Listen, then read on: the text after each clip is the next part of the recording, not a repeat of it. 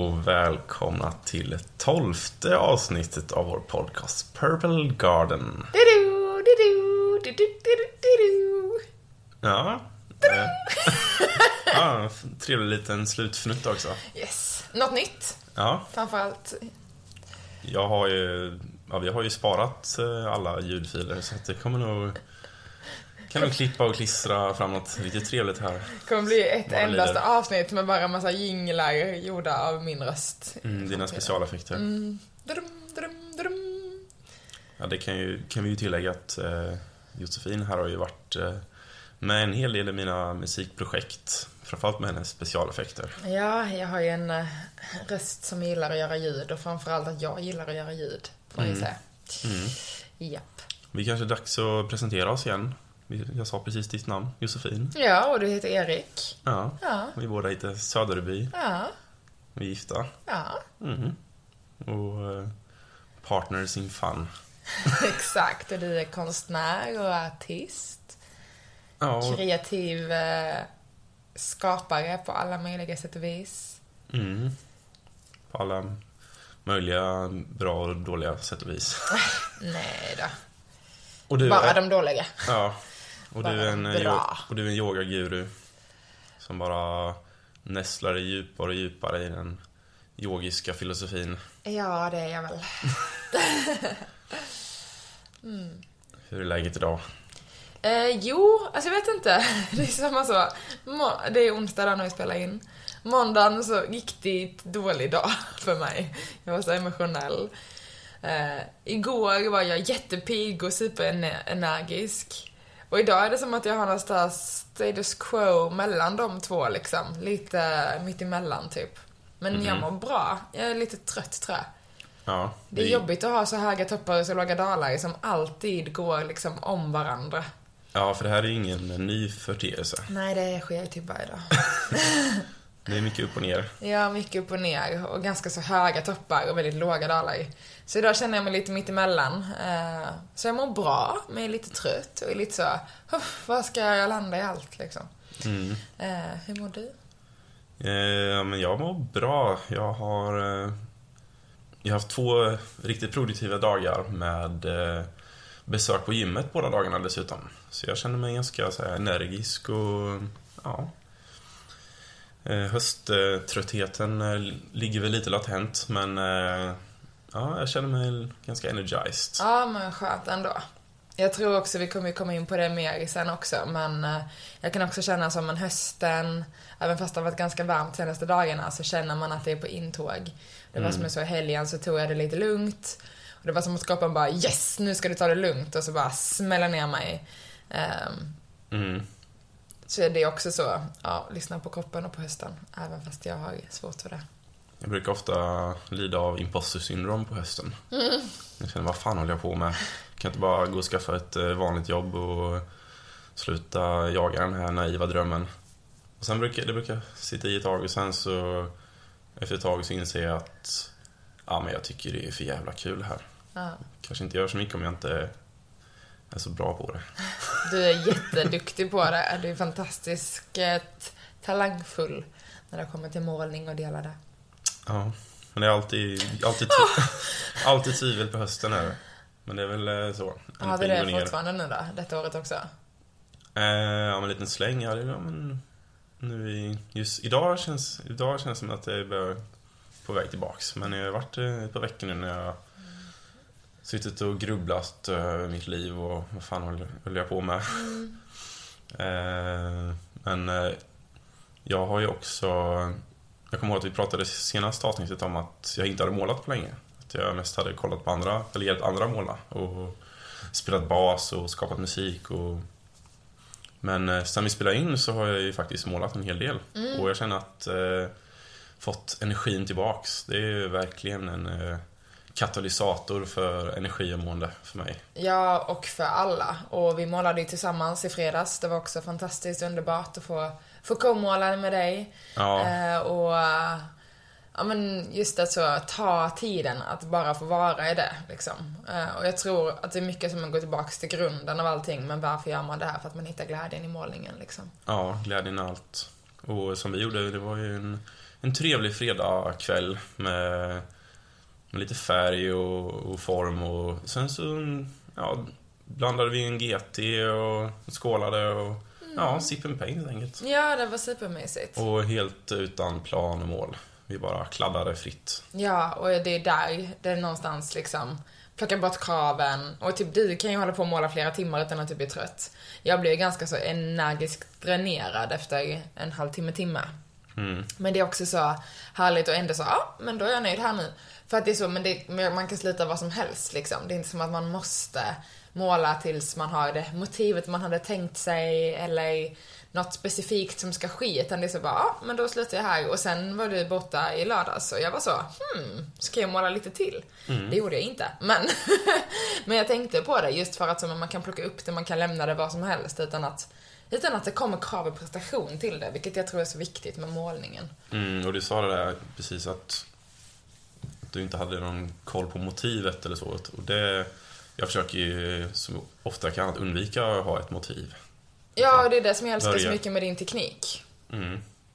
Nu känns det som att vi redan har kommit igång i temat här. Ja, Vi kan ju bara kort flika in att veckans avsnitt kommer just handla om målning. Mm.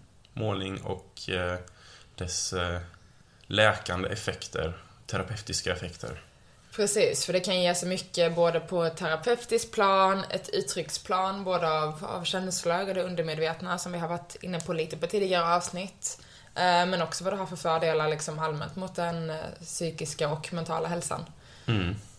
Ja, det är precis. Det är otroligt frigörande. Och, eh, och att man verkligen är i stunden, i nuet. För en, i princip all oro man har i livet handlar ju om dåtid eller framtid. Man ältar och grämer sig över någonting som har skett. Eller att man eh, oroar sig eller att man oroar sig över saker som eh, ska hända. Att, hur ska vi få till det här mötet nästa vecka? Hur ska vi hinna med alla de här uppgifterna innan deadline? Hur ska vi... Ja, det finns ju många, många olika sätt att oroa sig över framtiden. Men när man Många är, måsten. ja, alla måste. Men när man är i stunden så det är då man verkligen njuter och det är då, då oroar man sig inte alls. Det Då bara sker det.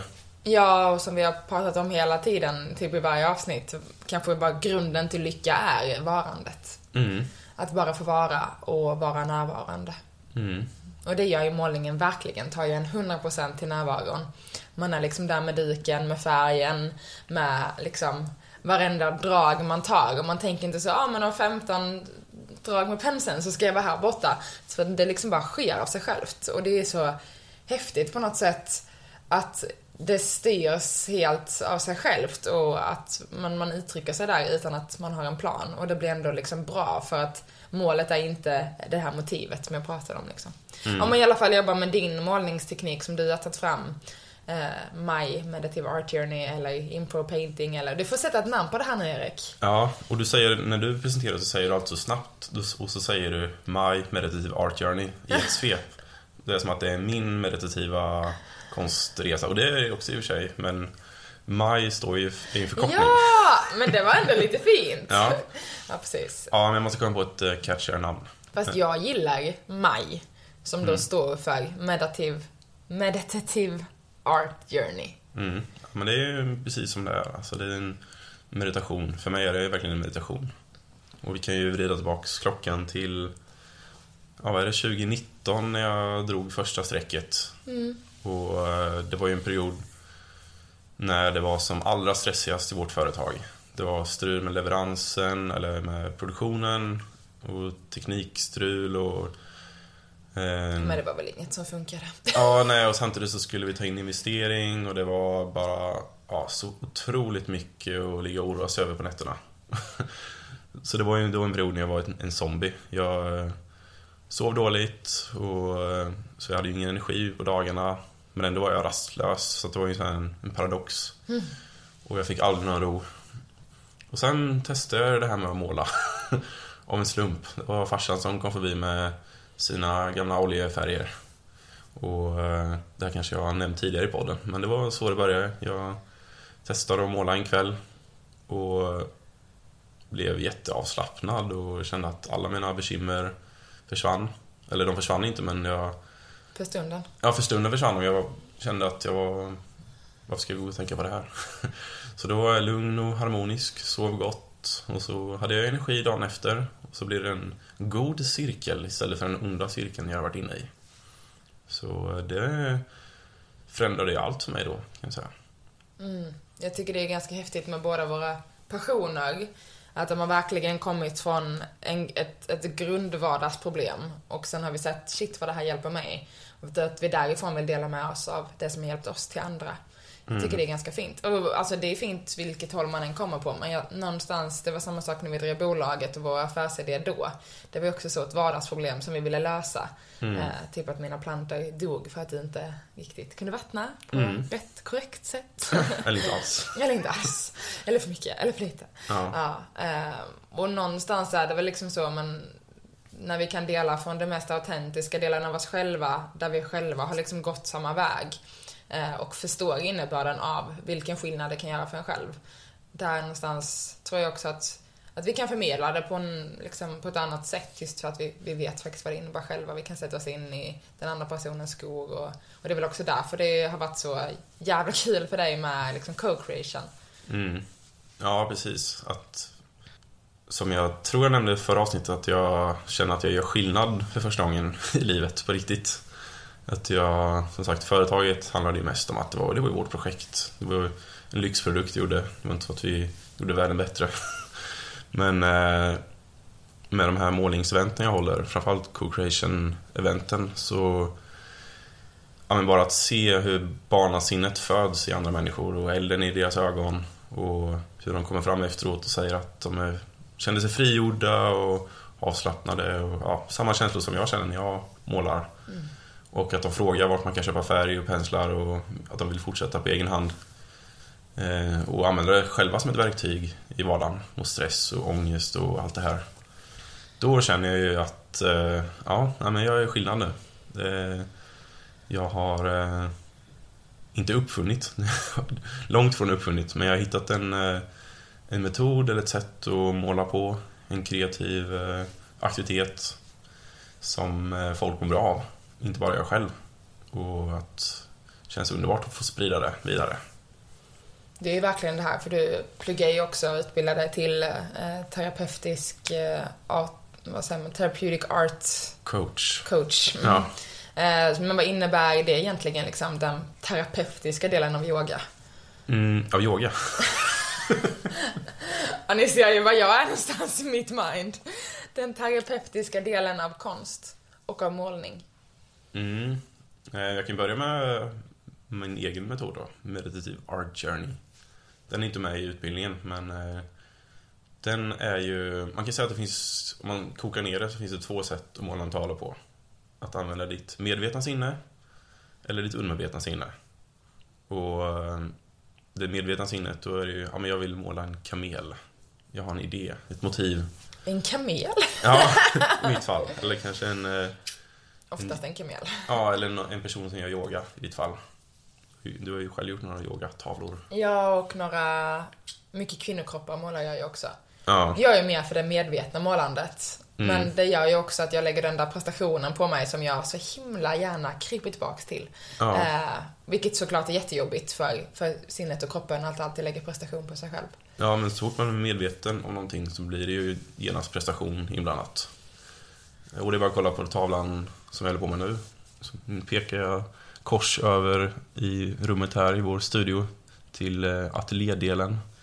Och där sitter en duk som jag höll på med i en vecka och det har knappt hänt någonting för att jag har ett tydligt motiv eller en idé. Och då kommer det direkt prestationsångest. Och då, så här, då vågar jag inte riktigt gå dit och måla förrän jag verkligen är säker på vad jag vill göra. Och då är ja, men, mycket prestation inblandat. Men sen har vi den undermedvetna delen då. Andra sättet att måla en tavla på. Att du eh, i princip bara börjar ösa på färg på duken. Du har ingen tanke alls. Eh, alltså ingen medveten tanke. Men det sker ju inte av en slump.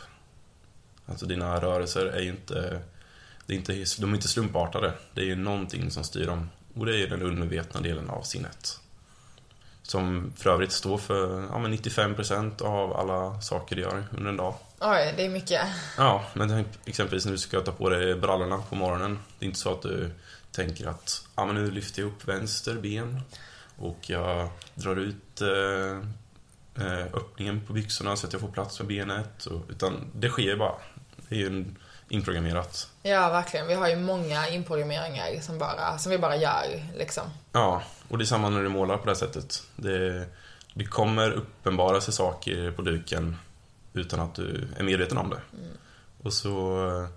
Men om, du, om du målar på det här sättet så kommer du aldrig liksom ha någon prestation inblandat för du vet inte exakt, du är inte medveten om vad du gör i början. Mm. Och sen eh, när du gjort ett första lager då ser du saker uppenbara sig. I mitt fall väldigt mycket ansikten och människor. Jag är väldigt intresserad av människor, psykologi, mänskliga sinnet. Så eh, då ser jag att ja, här är en gubbe, kan jag fortsätta fylla i där. Lägga till konturer, kanske lägga till ögon, kanske ja, men, bara fortsätta där jag, mitt undervetna sinne har slutat liksom. Mm. Och då blir man inte besviken, för man har inga förväntningar på förhand. Så det, och då kan man ju verkligen eh, förlora sig helt. Ja, och du har ju väldigt många häftiga tavlor som... Alltså du har väldigt många, väldigt många tavlor här hemma kan man ju säga, minst sagt. Aha. Men framförallt har du ju fantastiska tavlor som du har gjort på den här eh, maj-tekniken då. Eh, som är helt otroliga. Man kan titta på dem i timmar, man kan analysera i timmar och se nya saker. Och det är något så enormt djup i dem. Eh, som jag nästan också varje gång vi analyserar dem, man går så himla djupt tillbaks. Ett, man ser något nytt varje gång man tittar på dem. Alltså en helt ny detalj man aldrig har sett innan. Och då har jag mm. sett de här tavlorna mycket. Eh, men också när man väl börjar gå in och analysera dem, det är så djupa meningar, ofta till livets cykel. Ja. Eh, och... ehm, Ja, vi hade ju din mor på besök här häromveckan. Hon gjorde ju den mest eh, omfattande, djupgående analysen jag någonsin har varit med om. Ja, det är så häftigt. Om tavlan bakom dig, som jag kallar Across the Dimensions. Men hon såg ju hela skapelseteorin där och hur det första embryot blev till liv och hur den färdades genom livet och Ja, det var, nu kommer jag inte ihåg ordagrant vad hon sa, det var en väldigt lång analys. Ja, men det är också dina tavlor, de här tavlorna med den här tekniken, de är gjorda att titta på länge. För att det är så mycket som uppenbarar sig i dem och så mycket man kan liksom hitta och finna till sig själv i det också. Mm. Ja, förlora sig totalt. Ja, verkligen. Och, det, och på tal om det skulle jag vilja kasta in ett första citat här idag. Ja. Vi har lämnat eh, Oxford eh, därhän för att eh, målning är ju, ja, det är ju self-explanatory. Addera färg på, ett fast, eh, på en fast yta. Men vi, på tal om att förlora sig själv så hittade jag ett citat från en herre som heter Thomas Merton. Som är en amerikansk författare, poet och trappistmunk. Oj. Mm. Han säger att konst gör det möjligt för oss att hitta oss själva och förlora oss själva på samma gång. Det ligger mycket i det. Ja, jag kan relatera till 100% alltså. Jag känner verkligen, jag... Om vi styckar, delar upp eh, citatet i två stycken. Att hitta oss själva. Jag har ju verkligen lärt hitta mig själv genom konsten. Som sagt, man, framförallt när man målar på det här undermedvetna sättet så upptäcker man ju saker med sig själv som man inte... Ja, men den medvetna delen av sinnet man inte medveten om, helt enkelt. Och så kommer den upp till ytan och så blir man medveten om det. Det är exempelvis alla... Med en analys, jag tror men det har vi nämnt tidigare, men att jag målar väldigt mycket människor och ansikten och... Ja. Mycket, mycket mänskliga faktorer. Och, så då har jag verkligen lärt mig att ja, men jag är väldigt intresserad av människor, män, mänsklig psykologi. Jag tror också det handlar väldigt mycket om att uttrycka sig själv och få uttryck för sina känslor som man bär på undermedvetet. Och på så sätt också kunna släppa taget om sånt som vi så lätt antingen biter ihop eller håller, i, håller fast liksom till oss. Eh, och dels ja, så verkligen uttrycka eh, liksom vårt självuttryck och allt som vi liksom bär inom oss och eh, ja, tankar och liksom det som egentligen inte kan sätta ord på. Vi är ju ganska allmänt begränsade i samhället på Eh, att faktiskt uttrycka oss kring det vi känner det är, det är lite tabu att faktiskt säga vad man känner, att visa känslor som är på, liksom kanske mer av det så kallade negativa spektrat av vårt känslospektrum. Vi ska alltid vara positiva och glada och lyckliga och, eller allvarliga och duktiga. Det, var liksom, det ska alltid vara, alltså det där som är lite mer positivt och framåt andan.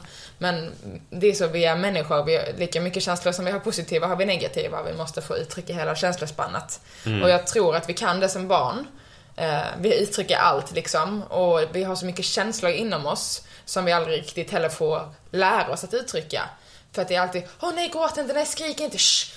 Men det handlar ju om att så, ja men precis, men det är så, men när jag är så liten, det är så, känslorna är så starka, jag kan inte hantera dem. För att jag inte kan sätta ord på dem och förstå vad det innebär för mig när jag känner på det här sättet. Mm. Eh, vilket ofta gör att det kanske kommer ut som skrå, grå, skråt. Skråt. Gråt eller skrik eller liksom en ledsamhet. Eh, men någonstans så handlar det om att vi måste uppfylla ett behov som vi troligtvis saknar. Ett behov av att så, men jag vill jättegärna ha den där gosedjuret för att det gör en trygghet till mig. Det kanske är precis så som jag känner när jag ser det här gosedjuret som jag så himla gärna vill ha när jag är fyra år gammal. Jag vet inte, analys. Mm. Um, och när jag inte får det så känner jag en otrygghet som uh, uttrycker sig i form av ledsenhet och skrik. Mm. Uh, men också så, men då börjar vi helt plötsligt, nej tyst, nej du får inte det, nej sluta. Så liksom ska vi, eh, och nu ingen så shaming till någon förälder för vi gör så här alla liksom. Vi kan inte hantera, ja. vare, vi kan inte hantera varenda känslospektrum som varken vi själv har eller som våra barn har. Eh, nej, då går, behöver, in, går du in i väggen direkt. Precis, vi kanske behöver välkomna några fler men det är också så att vi måste säga nej. Mm. och gråt inte och skrik inte annars skulle vi gå under själva. Men mm. det som är nackdelen med det här det är att så, men helt plötsligt så förstår jag inte hur jag ska kunna tillgodose behovet av trygghet. Uh, och när jag hamnar i en otrygg situation så börjar jag känna de här känslorna men jag kan inte liksom sätta orden på vad det är jag känner. Och där någonstans tappar vi oss själva. Och där kommer ju verkligen målningen in. Exakt. Den kan ju förklara saker som ord inte kan.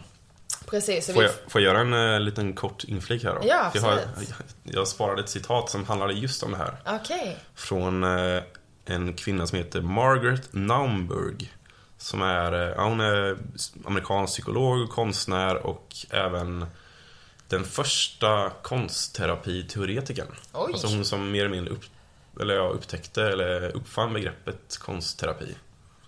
Och hon sa att eh, jag kunde säga saker med färg och form som jag inte kunde säga på något annat sätt. Saker som jag inte hade ord för. Och eh, det, alltså, kan jag ju relatera till till 100%. Det är ibland, som sagt, det är därför det är konst en så bra terapiform. För att man känner att någonting stämmer inte här inne. Jag är någonting jag som gnager, men jag, kan inte, jag vet inte vad det är för någonting.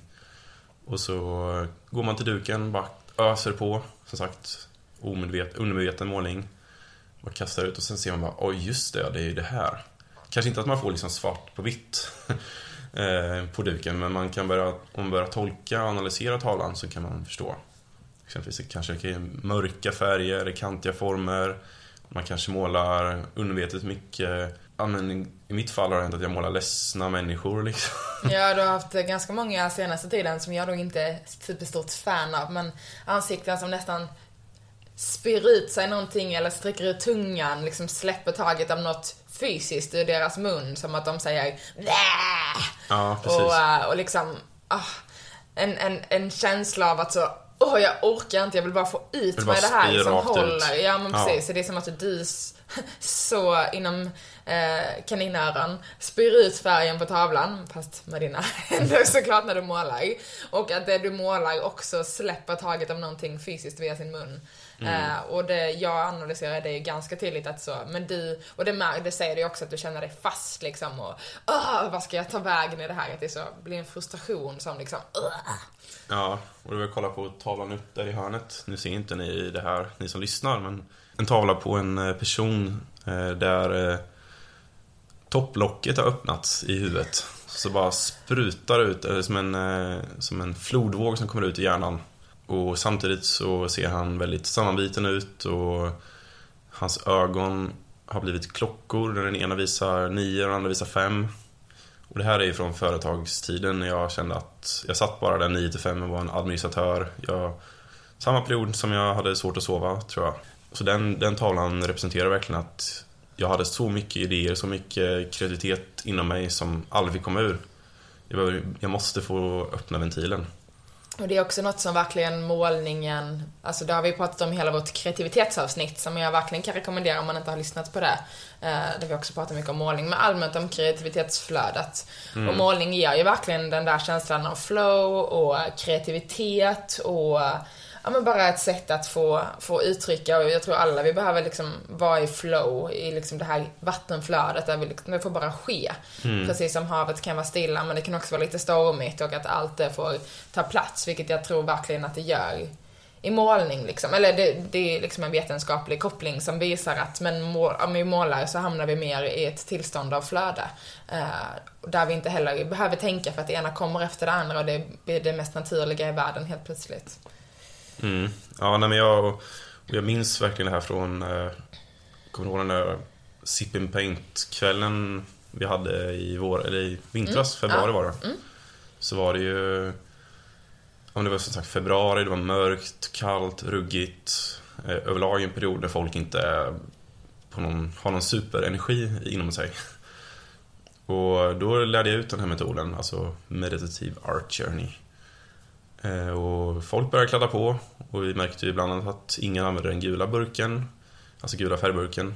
Det var mycket mörka toner, dovt och kantigt och, och jag gick ett varv runt och analyserade. Det var första gången jag verkligen eh, började analysera annan, andra människors konst. Och jag tror det var tio pers, jag tror det är åtminstone nio av dem så stämde det överens med mina analyser.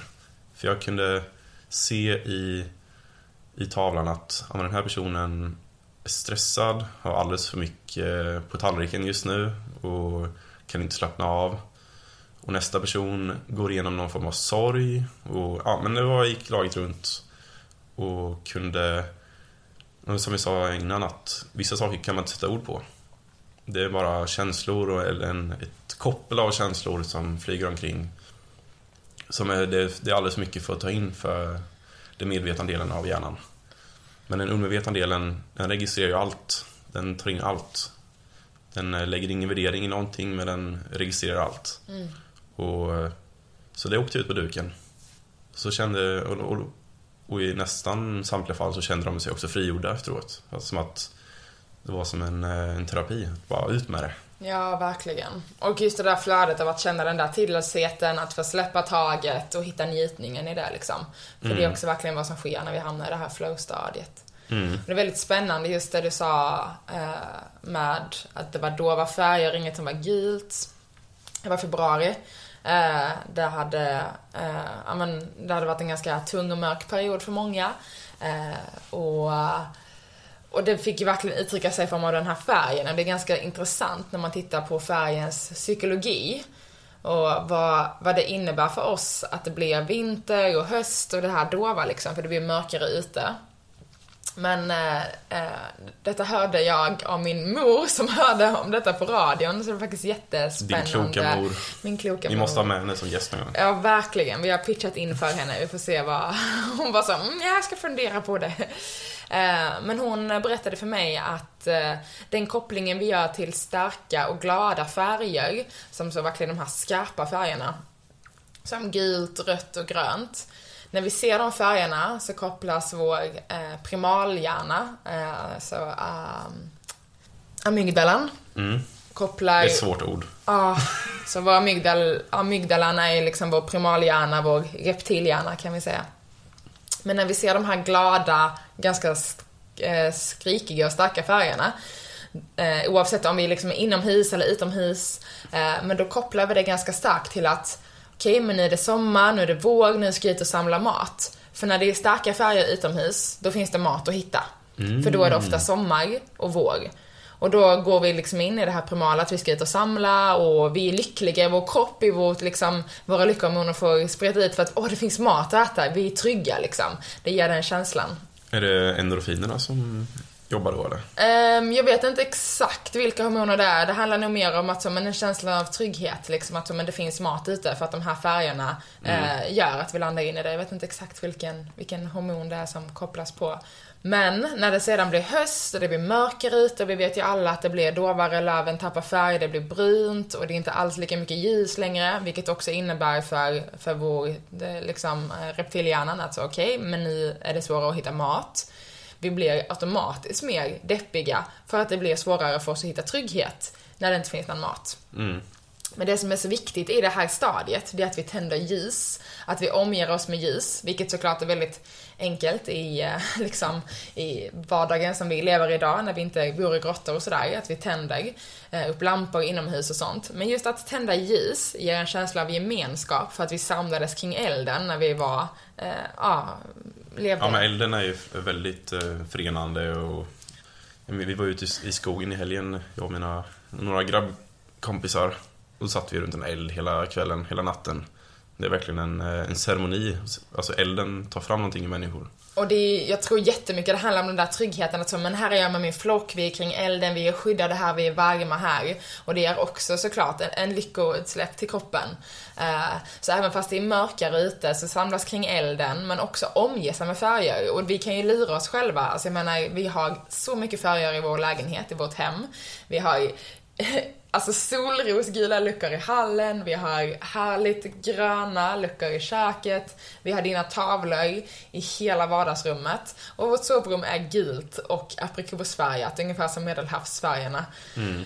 Och eh, man blir glad av att se färger och det kopplar ju också verkligen tillbaka till det här att okej, okay, men jag ser starka färger, jag är trygg för att jag kan samla mat. Mm. Så även fast vi kan gå till ICA och köpa mat 24-7 eller Coop eller vad vi går och handlar någonstans. Det finns ju alltid mat tillgängligt, eh, i alla fall i Sverige och i västvärlden liksom. Men just att ge kroppen den där signalen om att jag ser färg, jag känner mig trygg. Mm. Och det var ganska tydligt då när du hade den här co-creation, eller sip and paint målningen att folk använde dova färger. Och det var mörker, vi hade gått mer in i oss själva liksom. Och det är också ett jättespännande sätt att, att se men vad är det som pågår i mig genom att bara se liksom, vilka färger som används. Vilket är den analysen du gör av dig själv. Men för att koppla tillbaka till grunden, varför, varför du kan göra den analysen kan troligtvis vara för att det är kopplat till ja, men, den tryggheten vi känner kring årstiden. Liksom. Ja. Eller bara i livet. Mm. Ja, nej men man kan också tolka det här som att ju mörkare och kallare det är ute, desto mer färg, alltså sprakande färg ska man använda. Även om man kanske dras till någon så här mörk lila eller nästan brunt liksom. När det är grått. grått. Det var någon, vi hade, du hade någon sip and paint, det var någon som bara ville använda svart och målade hela kanvan helt svart. Ja, precis. Men den personen hade nog väldigt mycket mörker inom ja, sig. Ja.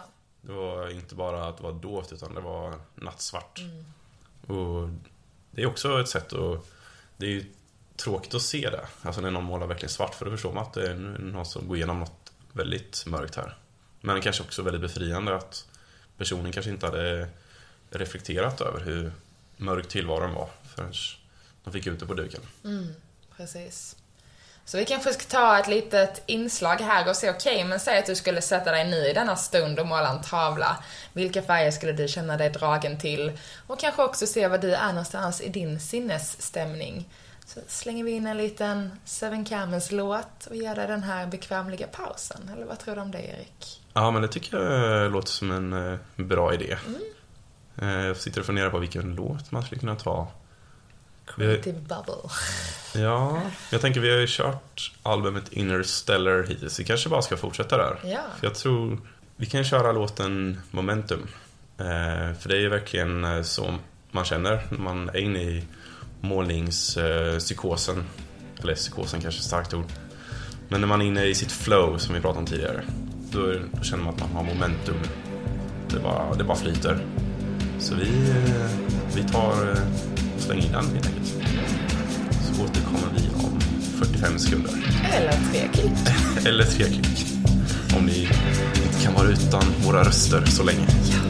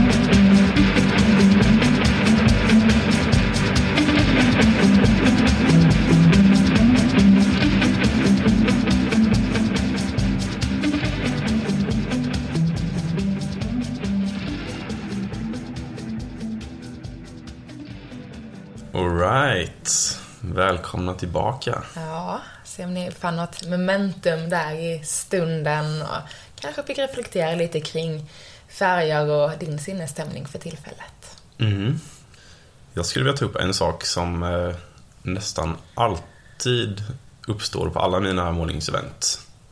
Att det kommer fram folk och säger, eller inte kommer fram, ofta, ibland så går jag ju nästan och drar in folk. Framförallt när det är co-creation så bara, här, börja måla, kör. Eh, men det är väldigt många som säger att "Ja, men jag kan inte måla, jag är ingen konstnär. Och det är ju ett av de största missförstånden som världen har skådat.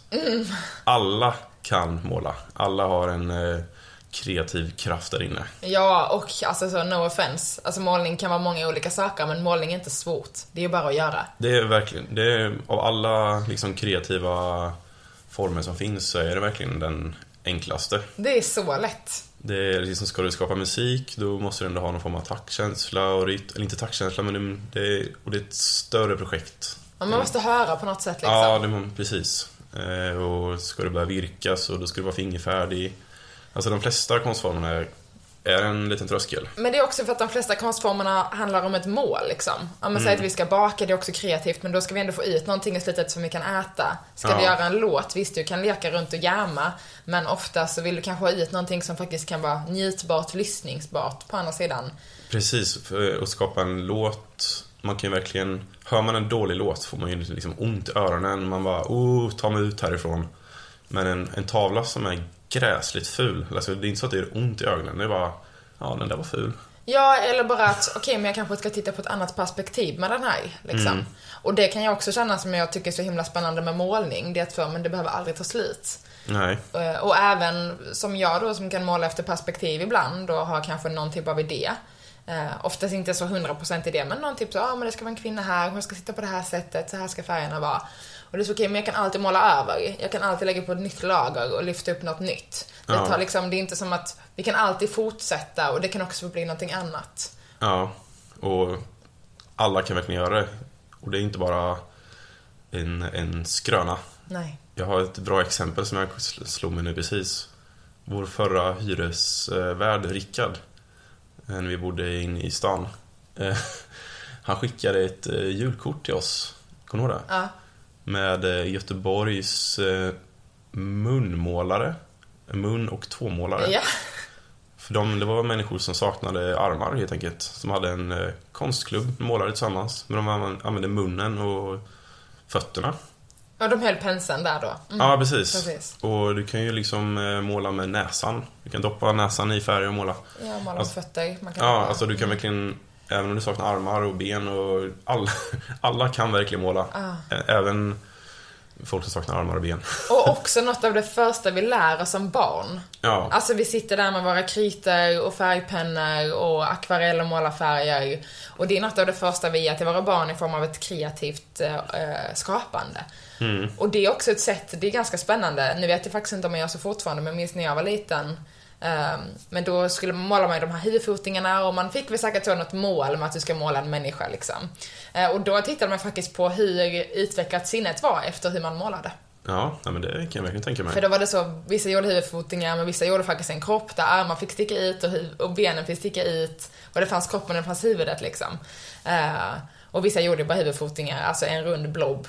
Ja, vissa, vissa följer instruktionen och vissa har fantasi och originalitet. och Ja, kan- precis. Och nu, jag, jag kan inte alls den delen, men jag tror verkligen det handlade mycket om att se, okej, men hur, hur tolkar barn ja, alltså vissa saker och ting liksom. Eh, och jag menar, det kan vi ju se, så visst de kladdar bara ut färg, men det är ett uttryck liksom, som barnen får göra. Och de tavlorna hänger vi gärna upp på kylskåpet. Ja, det här. Ja, då skulle jag vilja flika in ett till citat här som angränsar till det här. Av en, eh, en person som eh, verkligen vet vad han pratar om. Nämligen eh, Vincent van Gogh. En ja, holländsk, va? Ja, holländsk eh, mål, konstnär. En av de eh, största i historien. Eh, och han säger att om du hör en röst inom dig säga att du inte kan måla, då ska du bara börja måla. Så kommer den rösten att tystas. För så är det ju. Alltså, och det har, om vi kopplar tillbaks till de här co-creation-eventen då, när jag trycker upp en eh, pensel i eh, ansiktet på folk. In, inte riktigt så är det inte, men jag... I handen, ta dem, måla. Ja, jag, bruk, jag brukar bara vänligt uppmuntra folk och, och bara börja ösa helt enkelt. Tänk inte så mycket, bara börja kladda och se vad som händer. Och i nästan alla fall så blir de ganska hooked på det här. Det är ganska trevligt att bara stå och kladda. Och alla kan måla och de kommer fram efteråt och bara, fan det var inte så svårt. Och det är inte svårt. Det kanske är svårt att göra ett eh, Salvador Dalí-mästerverk, men eh, det behöver inte vara målet. Alltså för mig är det verkligen en terapiform.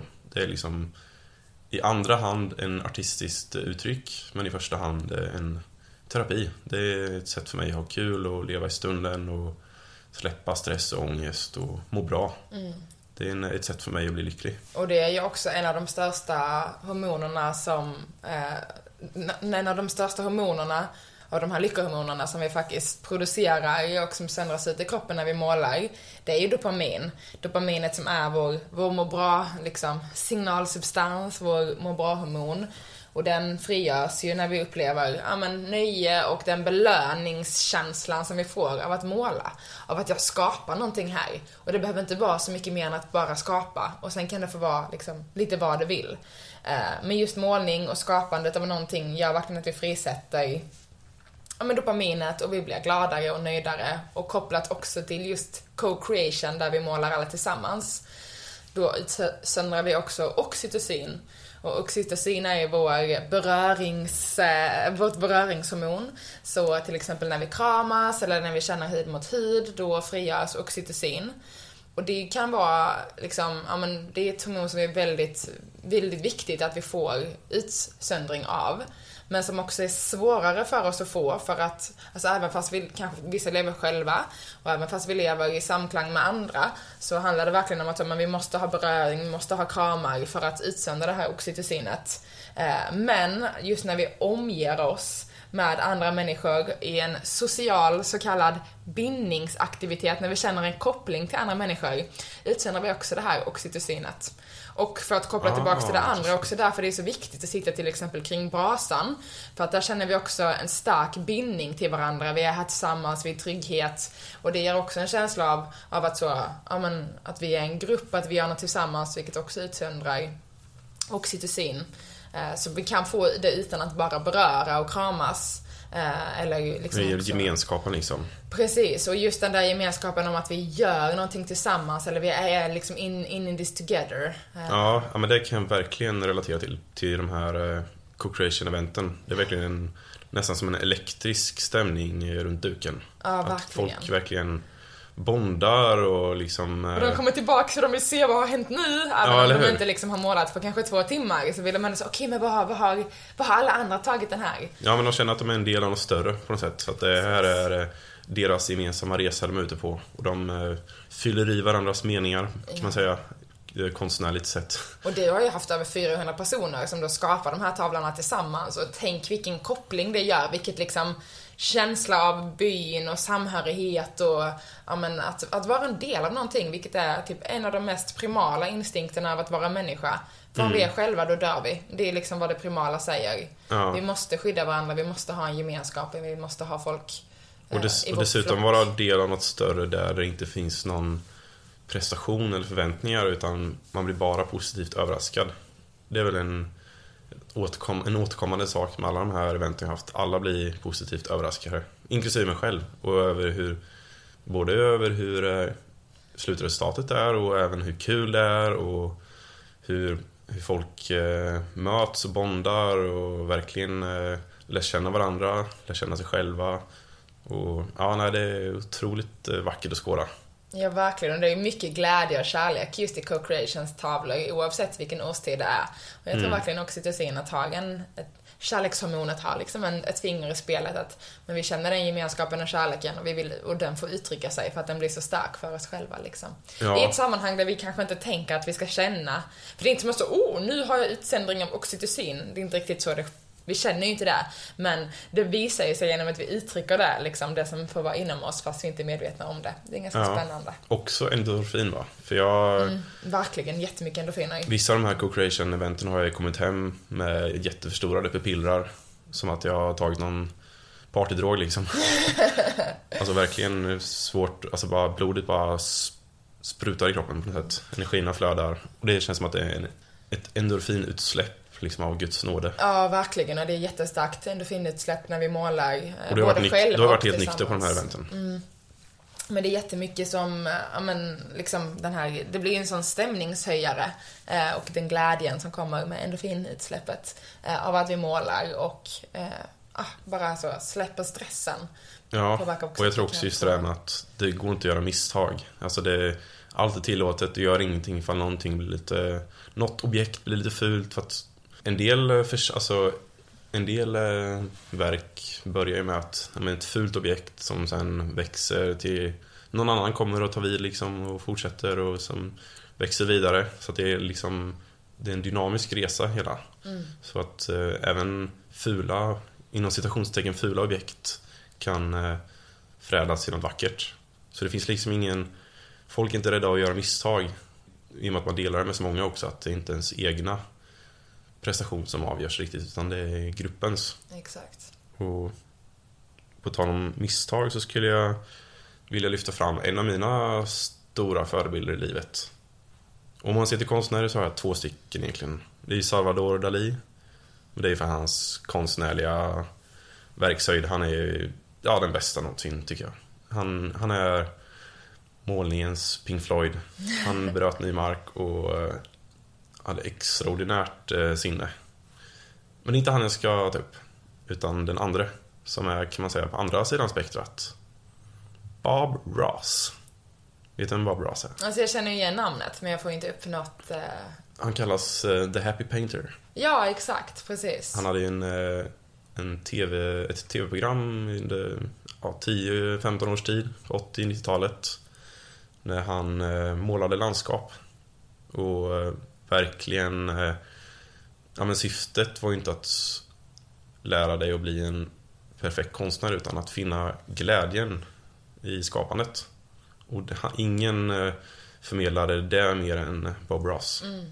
Och för er som inte känner till honom, ni har säkert sett en bild på honom. Han har en eh, karaktäristisk mikrofonfrilla och en ganska storväxt, ja men ser ut som en björn. Alltid leende på läpparna. Ja, nej men jag... Han är en av mina stora förebilder i livet, verkligen.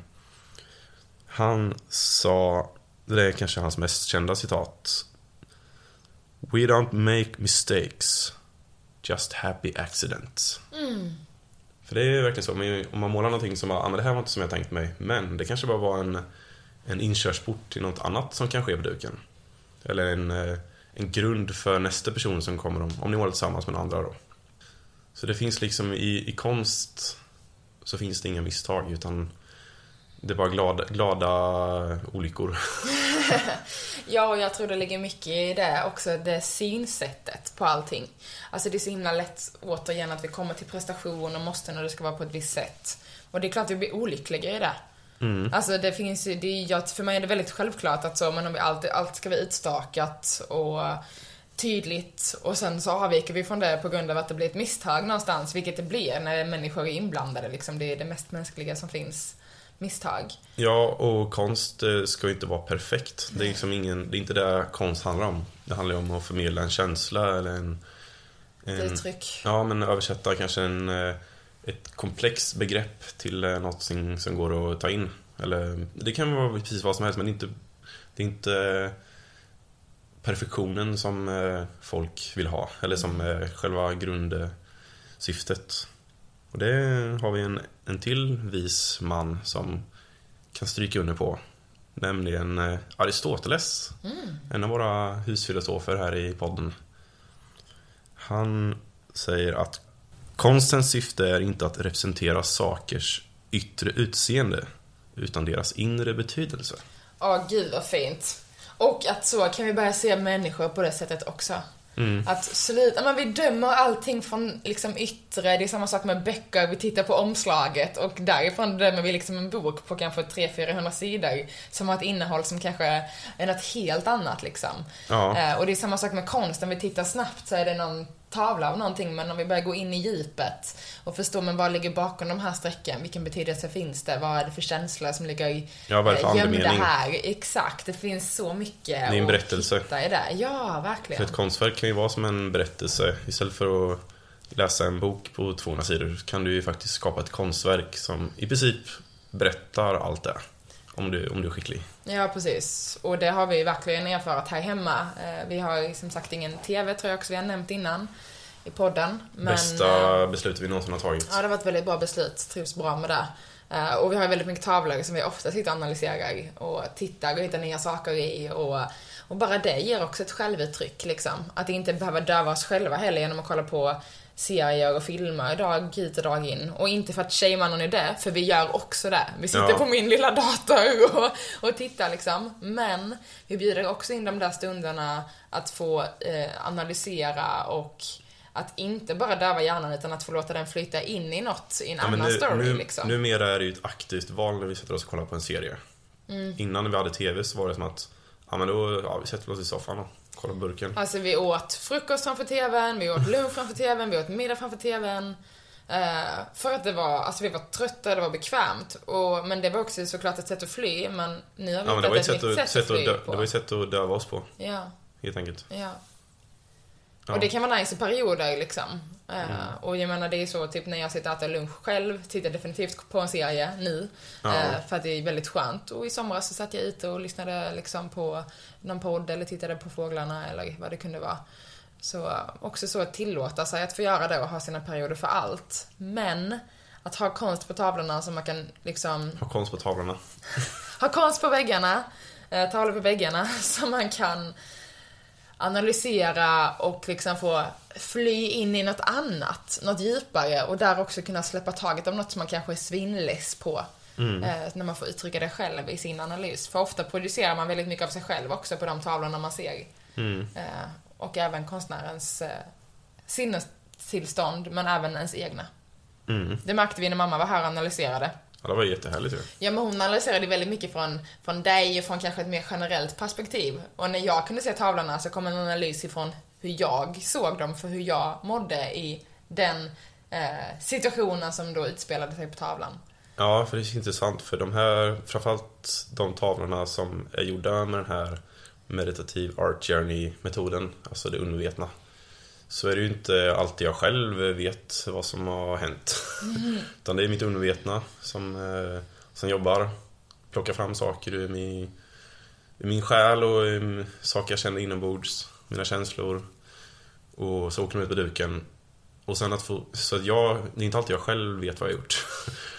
Så det är ännu, vilket gör det ännu mer intressant när någon tolkar. För att om, om jag bara målat en, ja nu kommer vi till kamel här, men om jag har målat en kamel i rymden, en, en astro, astronautkamel. Det är en medveten tavla. Den är ganska ointressant för mig att höra en tolkning på den. För det, det är vad det är. Eh, Men de här verken som är undervetet framtagna. Så då är det som att jag lär mig mer om mig själv när jag hör tolkningar. Det är så här, jag lär mig mer om den här tavlan jag har skapat när någon annan tolkar. Så spännande. Ja, är...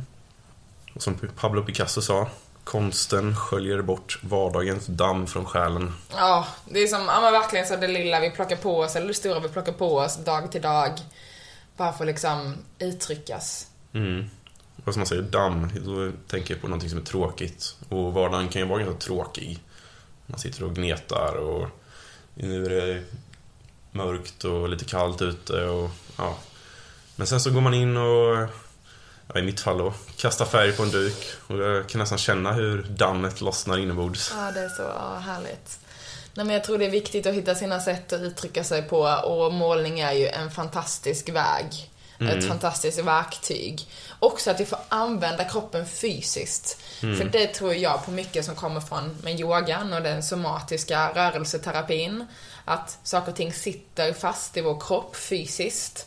I muskler och spänningar eh, som sitter, som kanske är känslor vi har tryckt in och känslor som då vi kanske har spänt axlarna lite så börjar de sätta sig fysiskt i axlarna. Det är min tro och det finns ju mycket forskning som påvisar detta också. Så att också så, man får jobba med armar och händer och axlar och skulderblad och nu vevar jag med min arm här framför micken.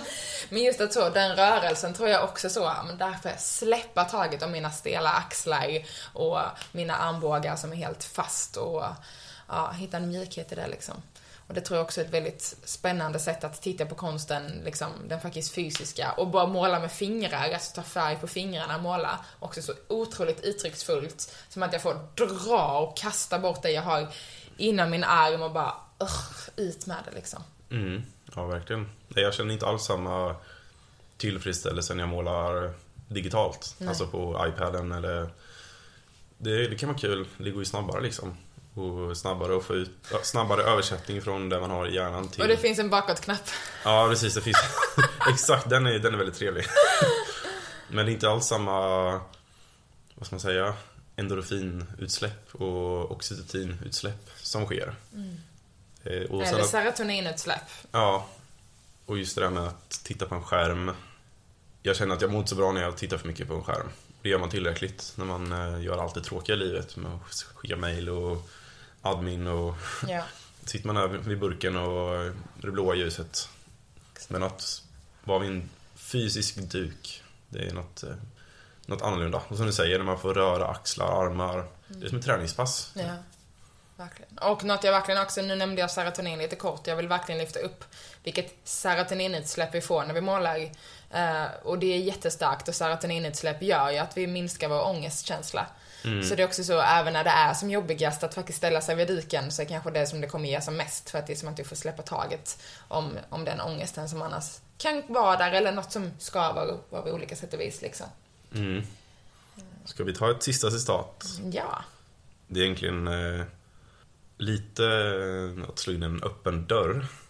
Men eh, det är en av våra husfilosofer, så tänker jag att han får vara med igen. Klart han ska vara med. Och man kan, man kan utveckla hans eh, citat lite också. Det är ju Jean-Jacques Rousseau. Åh, oh, jag gillar när du säger det. Den gamle schweiziska romantikern, mm. 1700-talet. Den här tar jag på engelska, det lät lite pajigt på svenska. The world of reality has its limits. The world of imagination is boundless. Mm. Och det är verkligen en anledning till att jag gillar konst så mycket. Är för att det finns inga gränser. Det är bara fantasin som sätter stopp. Och jag är utrustad med många dåliga saker men min fantasi tillhör väl en, en av de bättre i alla fall. Du har inte så många dåliga egenskaper Erik. Nu får du sluta tala ner dig själv. Nu sätter jag ner foten. Ja, nej okej men eh, men din fantasi är utan dess like. Alltså din kreativitet och hur du bara kan få saker och ting att ta nya nivåer och dimensioner och universala höjder. ja, och men just i konstens värld så är ju fantasin en kärnkomponent. Alltså du, om du kollar ut i resten av världen när du ska bygga en bro kanske, eller ja, men, du ska konstruera en bil, du ska, ja men vad du än du jobbar med så finns det oftast rätt och fel. Liksom. Men det finns ju lite regelverk och eh, verklighetens dimensioner att förhålla sig till och verklighetens eh, fysiska lagar såsom gravitation och... Ja, precis. Eller hur? Det finns eh, med all, med all rätt liksom. Klart man måste väva in universums grundlagar för att... Ja. Men just i konsten så finns det inga sådana ramar. Det är verkligen oändligt antal dimensioner som är oändligt stora. Och det finns ja, inget, inga rätt och fel. Mm. Och får, man är totalt fri. Det är liksom en känsla av total frihet. Och att bara sväva omkring i sin fantasi och plocka ut saker och addera på duken. Utan att be om lov liksom. Mm. du får göra precis vad du vill. Det är något väldigt frigörande med det tycker jag. Men jag håller med. Det är väldigt, eh, väldigt häftigt. Att också låta oss själva få leka med fantasin. Mm. Och uttrycka den. Just leka, var barn. Mm. Alla, plocka fram barnasinnet inom dig. Och känner du att du behöver lite hjälp på vägen så kommer vi ha två Sip and Paint-event i oktober. Eh, så två söndagar i rad, en den 15 och en den 22. Och eh, de hör inte ihop om man inte vill, men vill man gå på båda så kan man såklart jobba med samma tavla och liksom få låta den jobba vidare. Eller ta en ny tavla. Eller ta en ny tavla, självklart. Eh, Men tittar man på många av dina tavlor, av de maj, du har ju lagt 50 timmar på eh, typ en. Så nej, men, men man kommer långt på de här tre timmarna också och vi bjuder in glädje och njutning i hela eventet och ett sätt för dig att få uttrycka dig och leka med din fantasi. Ja, vi ska ha en njutbar stund. Vi ska sitta och sippa på ett glas rött. Kanske en, eh, en bubbeldrink, mimosa. Och eh, inte känna några så här press och krav, utan vi, vi kladdar på. Vi kommer ju liksom guida er igenom den här meditativa konstresan. Ja, exakt. Och eh, förhoppningsvis så kommer du komma hem med något. Dels en, en, en tavla du har skapat, men också ett nytt sätt att skapa på. Ett sätt och ett verktyg att ta med in i vardagen. Som du kan fortsätta och bearbeta stress och ångest och... Eh, ja, men först och främst så ska vi ha en otroligt njutbar Sunday Funday. Ja, exakt. Sprida lite ljus i höstmörkret. För det tror jag vi, en anledning till att vi la dem just i oktober var ju att det är en väldigt mörk och tung månad. Vi behöver fylla på med ljus och energi. Så, och som du sa tidigare, det är just det där med gemenskapen när man gör någonting tillsammans. Nu kommer vi inte, nu kommer vi inte måla på samma duk, men eh, Vi kommer sitta tillsammans och bara det ger ju också ett sinneutsläpp. ja, och så var det ju senaste gången vi körde. Då var det man kollade på varandras dukar och lärde känna varandra lite mer och gav varandra tips. Man var som en litet, eh, ja, satt i samma båt och rodde helt enkelt. Ja, jättefint. Så det hoppas vi att eh, ni är sugna på. Ja, Det ser och... vi mycket fram emot i alla fall. Ja, verkligen. Och ni är taggade på att komma så skriver ni bara ett meddelande till oss på antingen vår Instagram, our purple garden, så anmäler vi er. Eller så hittar man mer info om eventet på vår Facebook-sida, Purple Garden. Mm. Och där står lite mer info i skriftligt och också Ja, vi har ett event ute där ja. Ja, precis. Vi skulle kunna lägga upp lite om ett event i lite stories på Instagram också, så man kan hitta det där. Eh, Eller så bara skriver du till oss, eller om du har annan input eh, på podden. Nu har, vår avsnitt har en tendens att bli längre och längre.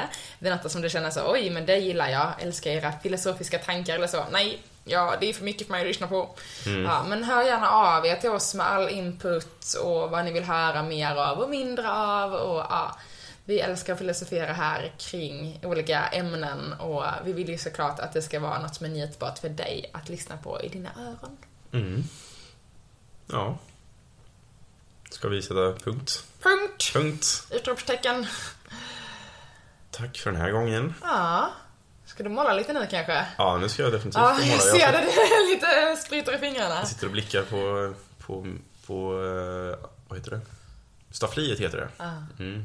Det är en duk som jag har påbörjat. härligt. The Summer of Love Oh. ska den heta. Ja. På mitt flummiga egna sätt. ja, men det är fint. Och vill man se mer av Eriks konst och förstå hur det kan uttrycka sig på olika sätt, så gå in på Seven Camels Instagram eller sevencamels.com. Eh, Seven Camels World på Instagram. Eller sevencamels.com. För där har du ju ditt galleri. Eh, och man är jättevälkommen hem till oss också för att se alla tavlor. Det är helt otroligt vilken konst du skapar. Ja, vi ska ju ha uh, Sip and Paint eh, eventen här. Så då får man ju också en liten tour i konstens glada värld här. Exakt. I allt flum som jag har skapat. Ja, det är underbart. Älskar flummet. Mm. Men det var en riktigt njutbar dag, kväll, vecka, när och var ni än lyssnar på det här. Ta hand om er. Det ska bli strålande väder i helgen har jag hört. Ja, så eh, ge er ut och njut Mm. medan ni kan. Sen kommer höstmörkret och kylan. Precis, samla in höstens alla vackra färger. Ja, sug åt er ljus ni kan. Ja, Njut. Glöm inte att njuta. exakt. Ta hand om er. Puss och kram! Puss och kram.